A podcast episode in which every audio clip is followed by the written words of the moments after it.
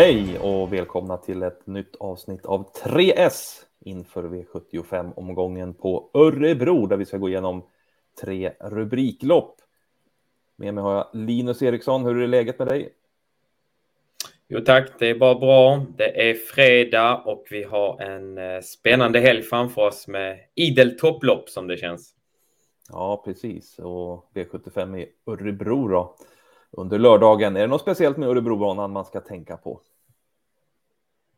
Ja, det är väl det, det gamla vanliga klyschan att det är ett kort upplopp, vilket brukar gynna spetshästarna. Sen eh, är det ju värt att tänka på att de har ju gjort, för några år sedan gjort om starten i Örebro. Så att det är ju på bort och långsidan är det 1609 meter som gäller i distans och 2609 meter. Och det innebär ju att eh, starten kommer lite senare, lite närmare kurvan och det brukar gynna hästarna med spår längre in i banan. Ja, precis, så är det ju. Och en av V75-avdelningarna är ju Paralympiatravets sista chansen, V75 6. Men det ska vi faktiskt eh, prata om i en av våra rubriker. Ett annat fint lopp som körs i Örebro International, ett Steyerlopp, V75 7 där. Vad tycker du om upplagan i år? Ja, men jag tycker det är en fin upplaga faktiskt. Det är väl inte den bästa man har sett, men eh, helt klart eh, en av de bättre här de senaste åren. Vi har ju en sån som 13 Money Viking, eh, Steyer-kungen. Det ska bli intressant att se hur han har tagit årsdebuten där. Han sprang ju på i Klosterskogen, men kom ju inte så mycket på den lite speciella banan. Sen har vi en sådan som 10 Oscar Eller som imponerade stort i, i årsdebuten. Han vann från ledningen där och besegrade Rackham står 20 meter framför nu och ja, det ska bli spännande att se ifall Moni Viking kan eh, plocka 20 meter på den. Mm, kul lopp är det i alla fall i V75 avslutningen. Och, men nu är det dags att dra igång och våra rubriker då, så vi börjar med det som vi brukar ha inledningen, spiken.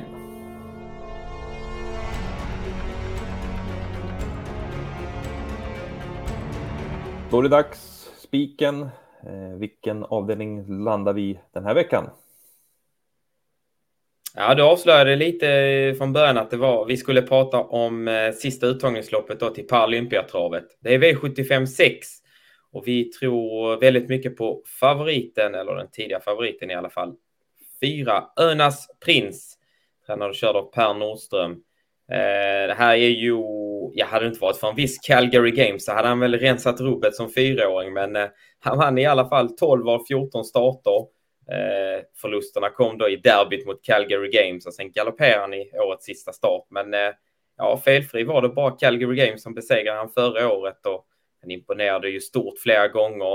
Eh, framförallt kanske när han vann eh, Sprintermästaren, finalen där från dödens eh, och hade en viss Rome Pace off i rygg hela vägen som inte kunde ta sig förbi.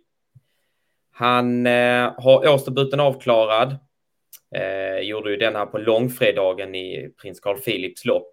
Han fick stryk av en viss sandmotör. Det var väl vissa som eh, höjde ett eh, ah, lite frågetecken för årsdebuten och tyckte att han borde kunnat bättre. Och vi har väl varit lite själva i valet och kvalet om vad man tycker. Kanske är vi lite hårda med, mot honom som tyckte att han borde ha hållit undan. Han springer trots allt 1.09,6 i en årsdebut och Per Nordström hade ju inför pratat om en, en, att han var redo för en 1.10-tid så att, eh, att han kunde kapa ytterligare några tiondelar där, det, det är väl svårt att, att klaga på det. Eh, vi har ju varit i kontakt med Per här under veckan såklart och eh, han låter fruktansvärt nöjd med Örnas Prins. Säger att han ska ha gått framåt en hel del med genomköraren och ja, Per är ute efter en Elitloppsplats och han ska visa det på lördag. Så att eh, ja, jag ser noterar här att det står bakskor på här jämfört med barfota runt om senast. Då. Eh, vad tycker du om det? Ja, det är ju inte den optimala balansen, det ska ju sägas. Det är ju barfota runt om. Samtidigt så är det nog marginell skillnad på Önas Prins. Han, eh, han har ju vunnit flera lopp med skorna bak eh, på. Så att eh, det känns inte som att det är där det kommer avgöras i så fall. Drygt 50 procent på V75, är det en rimlig siffra eller finns det lite att han kan gå upp lite till eller så för att det känns ändå spelvärt här?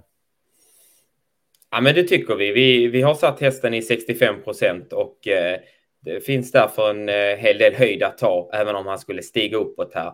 Det blir lite lurigt nu när kanske mångas stora spikidé, Sexist och i V75 3 blir struken. Så att eh, man får väl se här under dagen och morgondagen hur strecken utvecklar sig. Men eh, vi, vi känner oss trygga med Önas Prins upp till 65. Härligt, då har vi veckans spik avklarad. Alltså fyra Önas Prins. Så då eh, ska vi hitta skrälloppet också och det går vi på nu.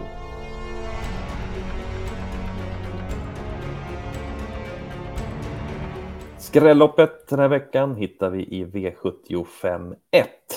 Där är nummer 11 Napoleon Cash mest betrodd och han gjorde årsdebut nyligen, vann då. Vad tyckte du om årsdebuten?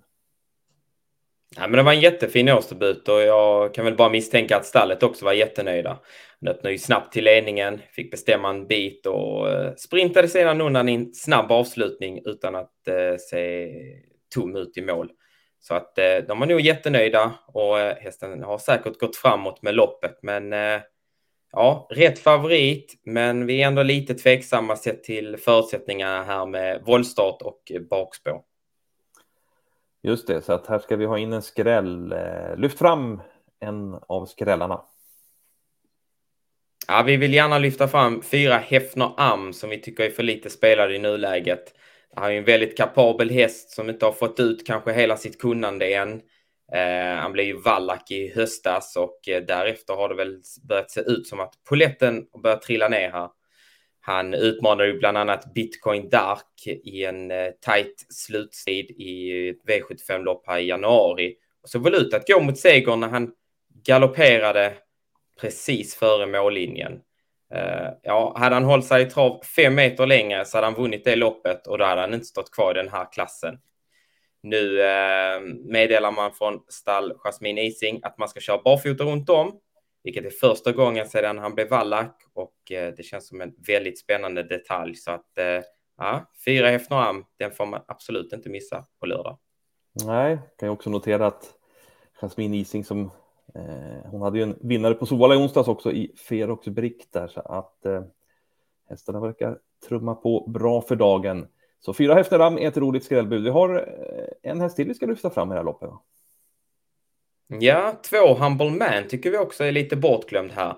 Var ju ute i ett eh, kungapokalsförsök här senast, eh, galopperade då, men eh, Robert Berg meddelade att det var, han hade valt fel vagn till hästen och att det inte var hästens förskyllan så att säga. Eh, såg väldigt formstark och, och, bra ut mellan, eh, eller innan och efter galoppen där, så att ja, det här kan vi nog osa lite form och med tanke på insatsen senast blir han nog lite bortglömd så att Humble Man får man inte heller nonchalera. Nej, vad härligt. Skräll, skrällarna alltså i V75 1 som vi främst lyfter fram då alltså nummer två Humble Man och fyra Hefner Am. Då återstår det en rubrik och ett lopp vi ska gå igenom här. Det är eh, chaset och en häst som har blivit hårt, för hårt betrodd.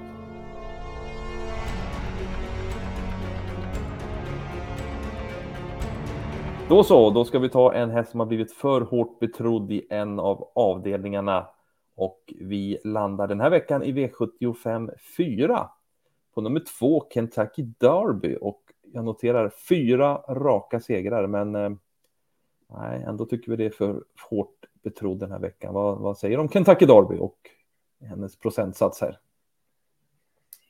Ja, det är väl alltid lite vanskligt som du säger. Fyra raka segrar, de, de hästarna brukar ju veta vad det går ut på. Men eh, vi tycker väl att eh, Kentucky Derby ändå inte är rätt favorit här. Det, är ett, eh, det ska sägas att det är ett öppet lopp och vi har svårt att reda ut och få, mm, få någon riktigt klar favorit, eller som vi tycker ska vara favorit. Så att eh, hon ska väl räknas, men hon ska inte vara favorit. Nej, och eh, ja, vi har inte rankat henne etta heller. Vi, vi har en annan häst i högst segerchans i loppet och eh, ja, du får väl ta vem det är. Ja, vi tycker ju att eh, fyra Iris Sisu har visat mer på tävlingsbanan än så länge. Hon eh, avgjorde ju på ett eh, väldigt läckert sätt här senast när hon kördes fram utvändigt ledaren varvet kvar. gick undan på, en, eh, på lätta ben och med till synes krafter kvar där och sprang ändå en 15 och 3 full väg i voltstart. Så att det är väl lite mer än vad Kentucky Derby har visat och sett till att de här hästarna nästan är jämsträckade så, så hade vi i så fall tagit klar fördel för fyra Iris Sisu. Men ett öppet lopp som sagt. Mm, det är, kanske kräver sina streck här och ta och mata på med många, många streck som det ser ut i V75 4. Ja, det var de rubrikerna vi hade att eh, gå igenom då som vanligt då tre rubriker och sammanfattningsvis så är spiken fem Önas prins i V75 6. Skrälloppet V75 1 där vi eh, främst varnar för fyra Hefner Am, men även två Hambleman. Och så chaset då, två Kentucky Derby i V75 4 som vi trots eh, fyra raka segrar tycker blir lite väl hårt betrodd här och ja, vi tror mer på nummer fyra Iris, Iris Sisu, men som sagt V75 4 är eh, öppet och vi tycker nog att det är rätt så sträckkrävande lopp det.